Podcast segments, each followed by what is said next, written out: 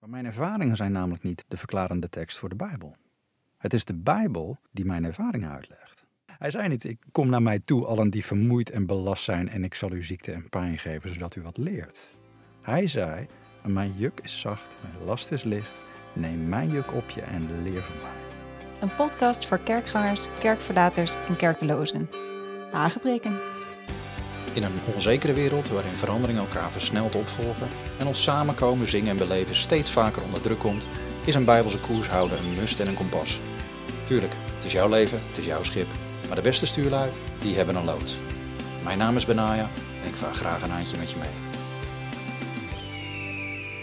Hi, tof dat je weer luistert naar Hagepreken. Het duurde even weer twee weken, helaas, mijn excuus. Ik weet dat sommigen van jullie wekelijks zitten te wachten. En dat blijft het streven, maar er kwam even een uh, ja, onverwacht mini-preekje tussendoor voor uh, Family 7. Voor een uh, programma getiteld Totdat hij komt. Dus ik moest even prioriteiten stellen, keuzes maken in de beperkte tijd die ik heb voor, voor voorbereiding.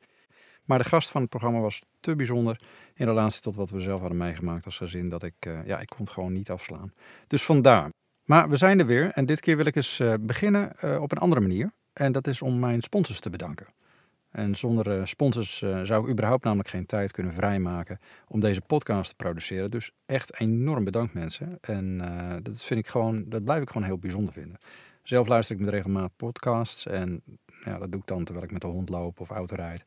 En ja, je merkt dan heel veel podcasts die hebben een soort reclamemoment tussendoor, waarin bepaalde producten of diensten worden aangeprezen.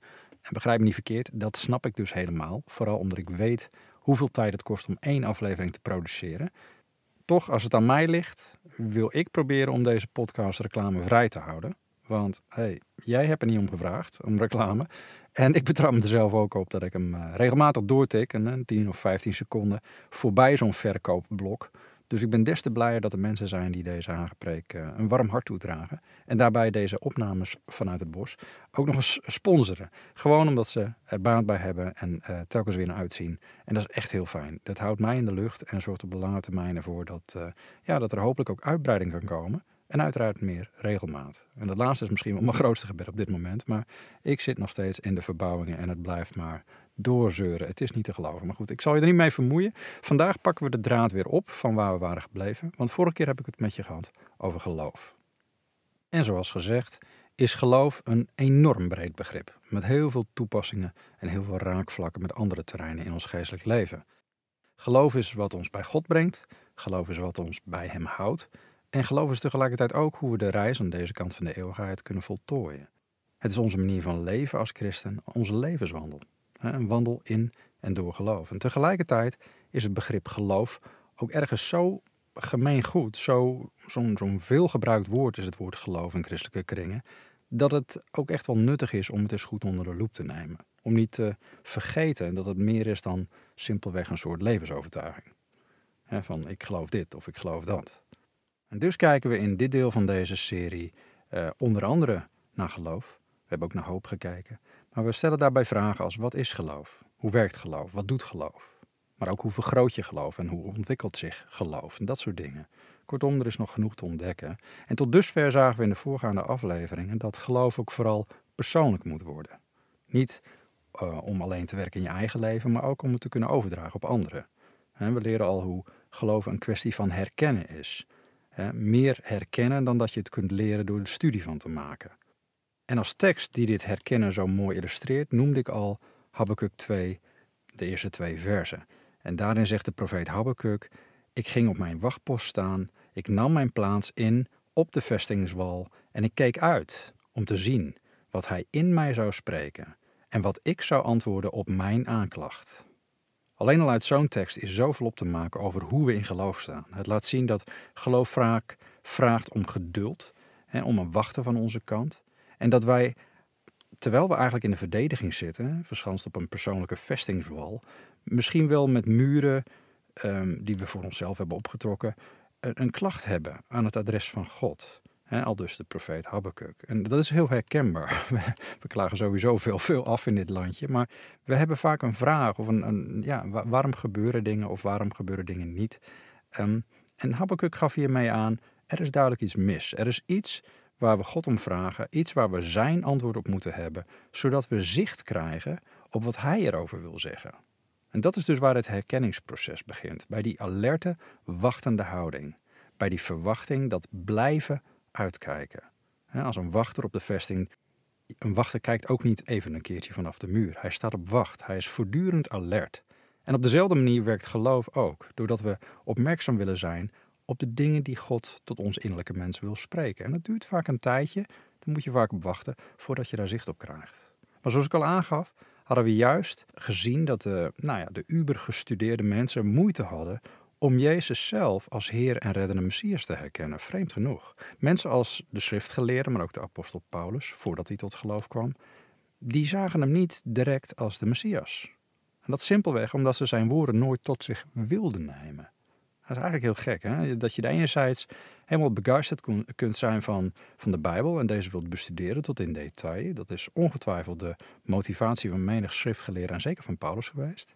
En aan de andere kant heb je het levende woord voor je in volle manifestatie en je geeft het geen plek in je denken. Maar denk nu niet dat het bestuderen van de Bijbel je daarmee suf en onopmerkzaam maakt, want, want er is wel degelijk een plek voor het bestuderen van de schrift, hè, voor het woord van God. En er staat niet voor niets. Eh, geloof komt uit het horen en horen uit het woord van God. Maar dat gaat wel een stukje verder dan studeren. Studeren is namelijk hoofdkennis, wat tot een beperkt begrip leidt. En dat is nuttig, ook belangrijk voor je verstand, hè, om te doorgronden wat de reden en de logica is van bepaalde manieren van doen van God. Niet dat God altijd logisch te verklaren is, maar God heeft wel een manier van doen die verklaarbaar is. En het ontdekken ervan, het bestuderen, is een proces. En dat gaat langzaam. Maar het horen, waar, waar ook Romeinen 10, vers 17 op doelt, geloof komt uit het horen en het horen uit het woord van God, dat draait om openbaringskennis. Dat is iets wat je geestelijk activeert. Dat is het moment dat je ineens begrijpt wat je leest. Of dat je bij het lezen of het horen van de woorden van God ineens weet wat je te doen staat. Dat je ineens iets helder ziet. Iets waar je voorheen misschien weet ik hoe lang omheen draaide om jezelf te proberen te overtuigen, pak je het nu in één keer. het is opvallend hoe vaak de Heer Jezus in de Evangelie dan ook zegt: als iemand oren heeft om te horen, laat hij dan horen. En daarmee checkt hij niet of wij wel oren hebben, en maar feitelijk zegt hij: laat, laat degene die het wil begrijpen het ook pakken. ik vergelijk het al een beetje met hoe ik mijn kinderen het soms voorhoud. Dan zeg ik van hoor je me? En dan wil ik niet checken of ze hun oren het doen.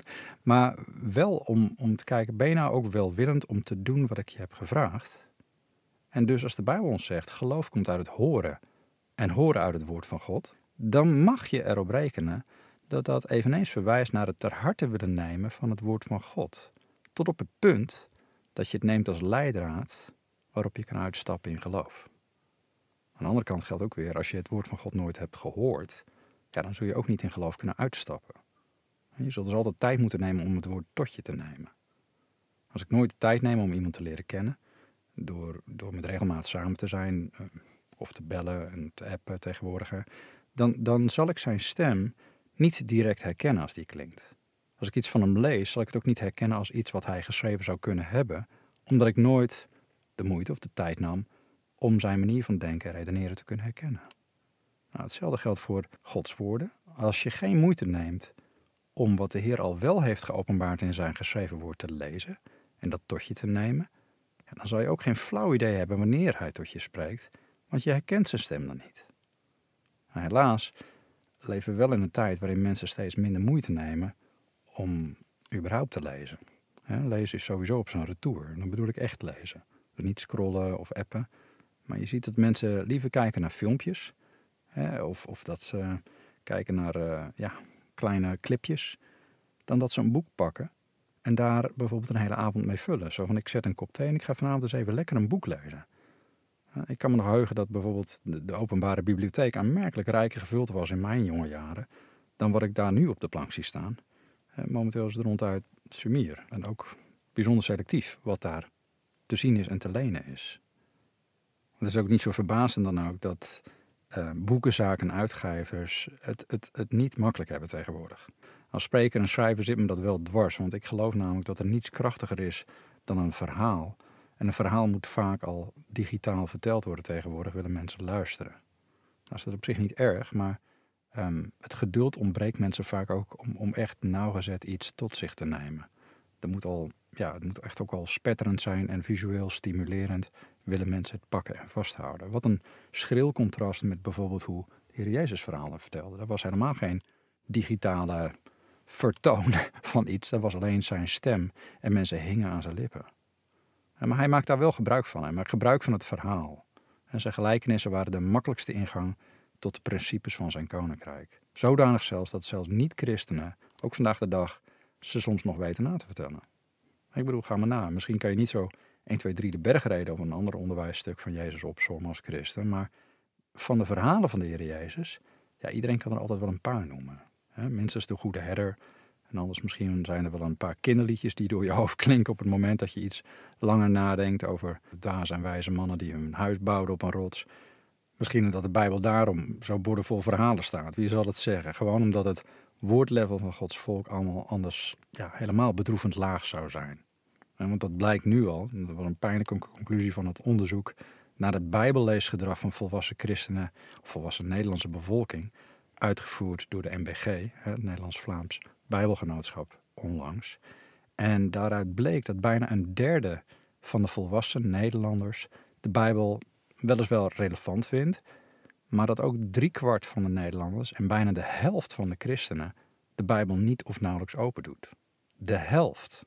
De helft van de christenen. Dat is bizar veel. En wat is er met het oude devies gebeurd van lees je Bijbel bid elke dag? Ook weer zo'n liedje. Of dateer ik mezelf nu weer te veel. Wat je ondertussen wel ziet is een groeiende trend. Hè, aan de andere kant in het lichaam van Christus. Van mensen die honger hebben naar de persoonlijke woorden van God. Dat zie je dan wel. En woorden die heel specifiek aansluiten bij je persoonlijk leven. En dat uit zich vooral in een verlangen om zogenaamde indrukken van God of woorden van profetie, om die te ontvangen. En ook om ze door te geven aan anderen. En dat is ergens natuurlijk wel heel mooi. Het verlangen dat God spreekt en leidt en daarnaar uitreiken. Dat is, dat is niet alleen mooi, dat is ook noodzakelijk. We leven in een duistere wereld en Gods woorden zijn de lamp voor onze voeten en het licht voor ons pad. Maar het kan wel gevaarlijk worden als dezelfde mensen die iets via een andere uh, persoon van God willen horen, of misschien zelf woorden van God willen doorgeven aan anderen, in de niet of nauwelijks bijbellezende categorie valt. En eerlijk gezegd, ik heb er aardig wat meegemaakt die met een stellige overtuiging van zo spreekt de Heer over iemand een woord uitspraken, waarvan de inhoud van het woord wat ze zeiden haak stond op wat God in de Bijbel aan ons heeft geopenbaard. Over zijn manier van doen en, en zijn wegen. En het gevolg wat je dan krijgt, is een soort misplaatst geloof van degene die het hoort. Geloof wat wordt aangewend voor iets wat uiteindelijk leidt tot desillusie en mogelijk zelfs tot geloofsverlies. En alleen maar omdat het niet geworteld is in de werkelijke woorden van God. Want geloof kan alleen ontstaan uit het horen en het horen uit de woorden van God. Nou, om je een voorbeeldje te geven. Ik trof bijvoorbeeld iemand op een conferentie die tijdens een gebedsmoment in groepen door de zaal vertelde hoe God haar kanker had gegeven om bepaalde waardevolle lessen te leren. En dat ze daarom ook geloofde dat ze nog niet was genezen en voorlopig ook niet zou genezen, omdat ze nog zoveel meer te leren had. Nou, ik was echt in shock. En misschien nog wel meer omdat niemand haar tegensprak. Maar allemaal beleefd en vriendelijk knikten ze en bemoedigend lachten ze haar dan toe. En ik denk, jongens, hier moet wat gezegd worden. Dat is echt een hele destructieve vorm van exegese. Daar word ik niet alleen verdrietig van, maar ik word er ook een beetje boos om. Tuurlijk weet ik ook wel dat er veel wordt gebeden voor mensen en dat niet iedereen geneest. Ik loop zelf ook 24-7 met chronische pijn in mijn lichaam. Mijn echtgenote die worstelt ook met ernstige gezondheidsproblemen die menselijke wijs gesproken voor de rest van haar leven zullen zijn. En ik zeg menselijke wijs, want dat is even als je de geloofsfactor buiten beschouwing laat. Want voor God zijn alle dingen mogelijk. Daar blijven we rekening mee houden. En daar blijven we ons naar uitstrekken. Maar ik ben de laatste die Bijbeltje prik zou willen doen om een punt te scoren op een God geneest iedereen altijd doctrine. Vooral omdat ik mij besef dat God ook te boek staat, hè, letterlijk in de Bijbel, als een God die mensen op een ziekbed kan gooien of kan doen sterven. Ja, en ik weet dat met dat ik dit zeg, sommige geloofsmensen uh, die deze podcast luisteren, uh, ineens gechoqueerd zijn of misschien tegen de haren instrijk. Maar laten we wel eerlijk blijven kijken naar de gehele Bijbel. En niet alleen naar onze favoriete Bijbelteksten die aansluiten bij wat we het liefst willen geloven. Vandaar dat ik altijd zeg, je moet niet alles lezen wat je gelooft. En ook christen zei, heb die neiging zelfs met de Bijbel. Want het zou niet integer zijn om mensen voor te stellen aan een soort Sinter Jezus. alsof de goedheid van onze scheppers geen enkel uitdrukt in positieve, zegenende handelingen. Dat is genezing, bevrijding, voorspoed en een lang leven. Er er staan namelijk te veel Bijbelteksten en te veel verhalen waaruit blijkt dat God in zijn goedheid soms hele brute maatregelen neemt. En ja, dit kan zelfs inhouden dat er mensen sterven of ziek worden. En dat kunnen we niet weggummen. We kunnen niet weggummen dat alle eerstgeborenen van Egypte, ook die van de farao, stierven door een doodsengel die door God zelf werd gestuurd. We kunnen er ook niet uithalen dat de Babylonische koning Nebukadnezar werd gereduceerd door een schim van zichzelf tot een beest in denken, doen en uiterlijk. Heel boeiend, maar het was een initiatief van God. Of Gehazi, de knecht van de profeet Elisa, die zowel zelf als zijn nageslacht melaats werden als straf voor de geldzucht van Gehazi. Of de zoon van koning David, die werd verwekt uit zijn overspelige relatie met Bathsheba, wat hij met moord probeerde af te schermen, die stierf. En God had gezegd dat het zo zou zijn. Als je nog duidelijker wil hebben, lezen we over het feit dat de Heer Jezus zelf in het boek Openbaring spreekt over een valse profetes, Izebel, die hij op een ziekbed zal gooien. Niet alleen haar, maar ook haar nageslacht, dat hij dat zal doden, omdat zij zich niet bekeert. Wauw. Lees het maar eens na. Ook dat is onze lieve Heer. Er zijn genoeg voorbeelden, te veel om te negeren, dat er heel wat van Gods hand komt. Maar let wel, het gaat hier telkens weer om mensen die ofwel de gevolgen van de zondige levenshouding van anderen ondervinden, of zelf willens en wetens rebelleren tegen God of tegen zijn goddelijke scheppingsorde. Wat hun overkomt, is dan duidelijk een teken die anderen moet inspireren tot een gezonde godsvrezen en een terugkeren naar God. En daar is zelfs het Nieuwe Testament duidelijk over. Neem bijvoorbeeld uh, voorbeeld van Ananias en zijn vrouw Safira, die tegen de Heilige Geest logen. Handelingen 5, dat meen ik. Uh, het gevolg is dat ze het moest, met de dood moesten bekopen. hun niet bekeren leidde tot de dood. Hun bedriegen van de Heilige Geest leidde tot de dood. Maar het gevolg was wel godsvrees overal. Dat staat er twee keer. Nou, terug naar de vrouw op de conferentie. Ik weet niet wie haar deze destructieve doctrine heeft aangepraat. Van God geeft mij kanker om mij iets te leren. Maar één ding weet ik wel. Het was een vrouw die duidelijk in God geloofde. En ook daarvoor al in God geloofde. Die hem lief had, hem aanbad. En in zijn wegen wou wandelen. Dus in het geheel niet wou rebelleren. En haar ervaring van niet genezen deed haar alleen de conclusie trekken over het karakter en de wegen van God die tegengesteld waren aan zijn woord.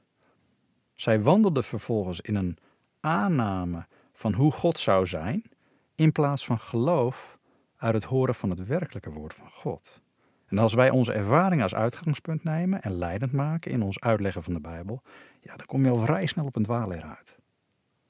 Maar mijn ervaringen zijn namelijk niet de verklarende tekst voor de Bijbel. Het is de Bijbel die mijn ervaringen uitlegt. Dat geldt niet alleen voor negatieve ervaringen, dat geldt ook voor positieve ervaringen.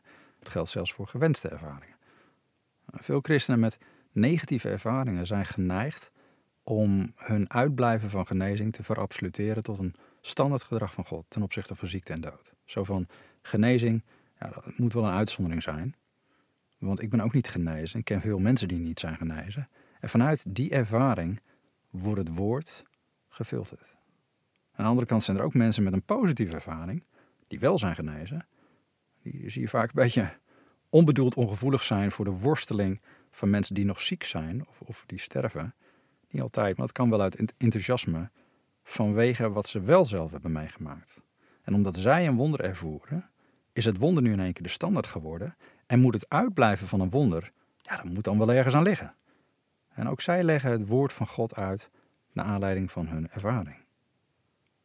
Nou is het sowieso gevaarlijk om vergaande conclusies te trekken waarom iemand ziek is. Daar blijf ik altijd een beetje van af. Alleen God kan namelijk de harten uh, doorgronden. En dat zie je ook. De discipelen die, die proberen op een gegeven moment ook vast te pinnen van hoe het precies zat met de blindgeborene. En die kwam eh, bij Jezus. Of zijn blindheid nu lag aan hem, of dat het nu lag aan zijn ouders. En dan geeft Jezus het prachtige antwoord. Dat staat in Johannes 9. Hij heeft niet gezondigd, zijn ouders ook niet. Maar dit is gebeurd opdat de werken van God in hem geopenbaard zouden worden. En vervolgens geneest hij hem dan om te laten zien welke werken God wil doen, namelijk genezing. En bij de vrouw op de conferentie weet ik ook niet waarom ze ziek was, maar wel weet ik dat haar eigen conclusie hierover het karakter van God geweldig deed. Enfin, dus absoluut een andere podcast voor nodig of een ander thema voor nodig om hier in detail over te gaan, maar met een brede penseelstreek genomen geldt wel voor mensen die zich verootmoedigen voor de Heer en die zijn aangezicht zoeken, dat het woord ons laat zien dat Hij wel degelijk herstel en heelheid wil brengen. En misschien niet altijd op de tijd dat het ons uitkomt. Het duurt vaak langer als dat wij zouden willen, maar dit is wel Gods hart. Dit is de reden dat Hij Jezus zond om te sterven. Niet alleen voor onze overtredingen, maar ook onze ziekte. Ik heb hier een beetje over gedeeld bij Family 7, maar voor mij is het verschil hierin het verschil tussen berusten en geloven. Want berusten zegt, ja, dit is nu eenmaal mijn lot. God wil het zo, ik ben ziek. Hij zal er wel een bepaalde reden voor hebben dat ik ziek ben en ziek blijf. Zijn wegen zijn onnaspeurlijk. Nou, dat klinkt heel mooi en geestelijk, maar je kunt je daar wel vraagtekens bij stellen. Geloof zegt iets heel anders. Geloof zegt: Dit is mijn situatie nu. Je gaat het niet ontkennen. Ik ben ziek. En hij zal mij blijven gebruiken tot zijn eer, ook in mijn ziekte en ook door mijn ziekte. Maar zijn wegen zijn goed. Niet onafspreekbaar, zijn wegen zijn goed. En ik blijf mij uitstrekken naar het bovennatuurlijk ingrijpen en herstel van God. Terwijl ik ziek ben. En berust is in feite uh, het tegenovergestelde. Berusten is een, een soort echo van islam, zeg ik altijd. Het is een echo van inshallah, Allah wil het. Hè? Eh, het neemt een passieve houding aan van een slaaf die geen keuze heeft dan zich te onderwerpen aan zijn meester. De meester wil het, zo zal het gebeuren. Islam betekent ook letterlijk onderwerpen. Ik heb lang genoeg in het Midden-Oosten gewerkt en gewoond om dat te herkennen. Voor de moslim zijn we onderworpen aan de absolute, onnavolgbare wil van Allah. Geloof is het tegenovergestelde. Geloof is een actieve houding. Het is een vertrouwensrelatie op basis van zoonschap. Niet slavernij. Het is een, een kunnen en mogen verbidden van God. Het is een in gesprek gaan en soms in discussie gaan met de schepper, zoals Job dat deed. Job spuwde zijn gal. En, en, en ook Abraham, die onderhandelde over Sodom, tot op het punt dat hij dacht, hoe ver kan ik gaan? Maar hij ging wel door. En ook net als Jacob, die, die zei, ik laat niet los, totdat u mij zegent. Nou, dat is nogal een houding. En daarmee degraderen we God niet tot een buddy, of tot het level van een vriendje. Daarmee eren we hem juist. Als onze vader, bij wie we onze vragen en onze moeite, maar ook onze frustratie neer kunnen leggen. En dat gebeurt net uiteraard met respect en met besef van wie hij is en, zijn grootsheid. Maar toch. En daarin ligt het verschil tussen ons en een heleboel religies die er in de wereld zijn. Wij kunnen in gesprek gaan met God omdat hij spreekt. Hij praat terug. En hij sprak het meest duidelijk in zijn zoon Jezus. Door hem werd het hart van de Vader hoorbaar en zichtbaar. En de toon voor zijn bediening werd door hem zelf gezet. In de synagoge van Nazareth, wat ik vorige keer citeerde. Hij zei dat hij als gezalfde kwam om het goede nieuws te verkondigen. En wat was dat? Om aan armen het evangelie, dat betekent letterlijk goed nieuws, te verkondigen. Om te genezen wie gebroken van hart zijn. Om aan gevangenen vrijlating te prediken en aan blinden het gezichtsvermogen, verslagenen weg te zenden in vrijheid en om het ja van het welbagen van de Heer te prediken. Zelfs toen Johannes zei, bent, bent u het of hebben we iemand anders te verwachten? Zei hij ook, vertel hem wat er gebeurt. En hij zei, vertel hem van de wonderen. Dat vertelde hij aan de discipelen van Johannes. En om die reden lezen we ook nergens in de evangelie dat de Heer Jezus mensen genas, maar sommige kanker gaf, zodat ze iets zouden leren.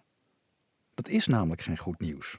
Hoe zou je het vinden? De Heer Jezus naar je toe, jou geef ik kanker, dan kun je wat leren. Is dat het, is dat het goede nieuws? Ik denk dat je daar wel een antwoord op weet.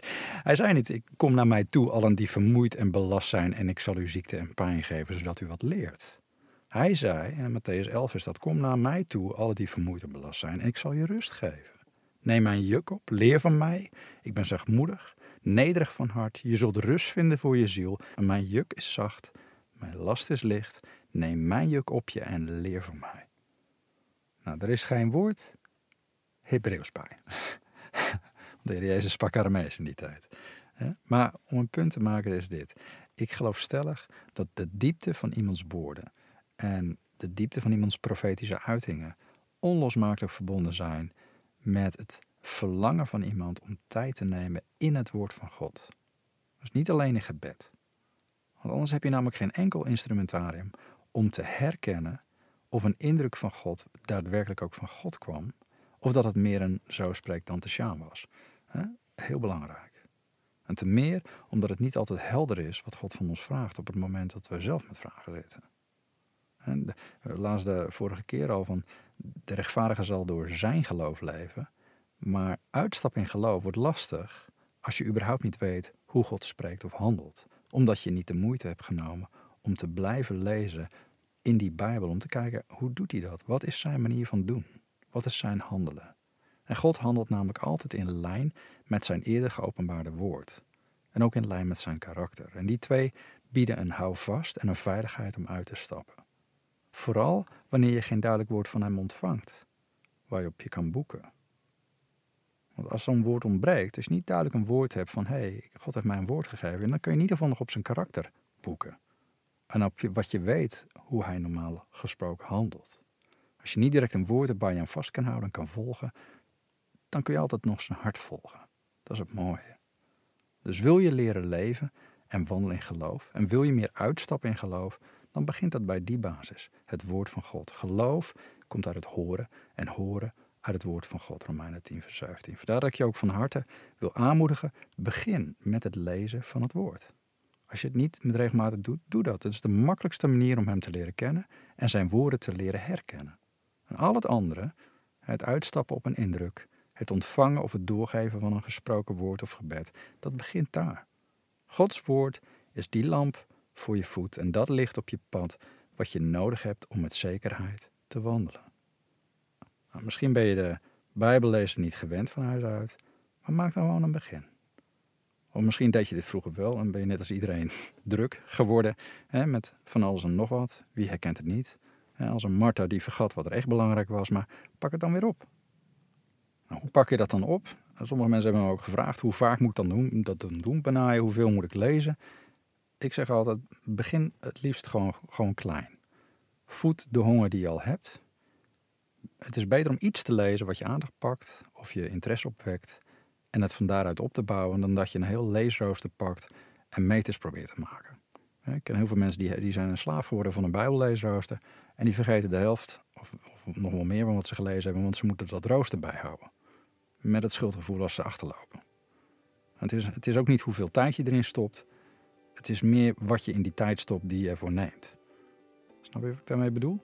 Het is beter of één, twee versen te lezen met je volle aandacht, waar je de rest van de dag nog op kan kouwen en over nadenken, dan dat je een heel hoofdstuk gaat lezen of meerdere hoofdstukken, wat je dan weer vergeet en ook niet meer op terugkomt omdat het gewoon te veel is, want je had je Bijbel lezen Er zijn mensen die vragen me dan, ja, maar en welke vertaling moet ik dan lezen? Dan zeg ik altijd, ja, de vertaling die je leest. Dat klinkt een beetje dom, maar je, je kan nog zo'n goede, naar de grondtekst getrouw vertaalde versie van de Bijbel hebben.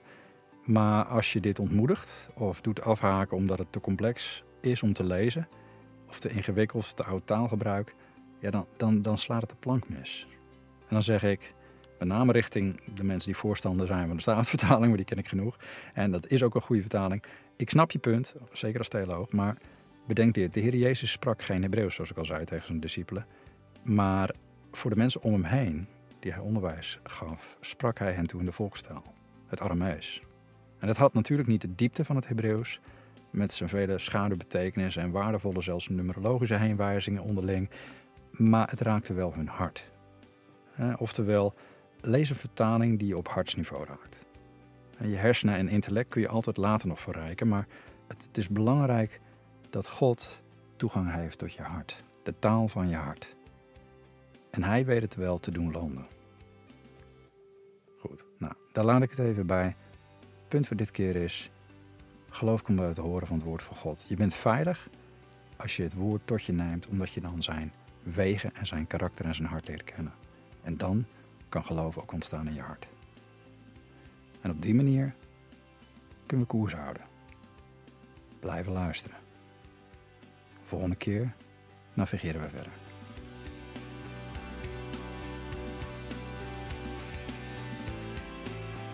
Heb je vragen, aanvullingen of opmerkingen? Schrijf even een mailtje naar podcast.saintk9.com. Dat schrijf je saintk9.com. En dan tik ik hem even terug.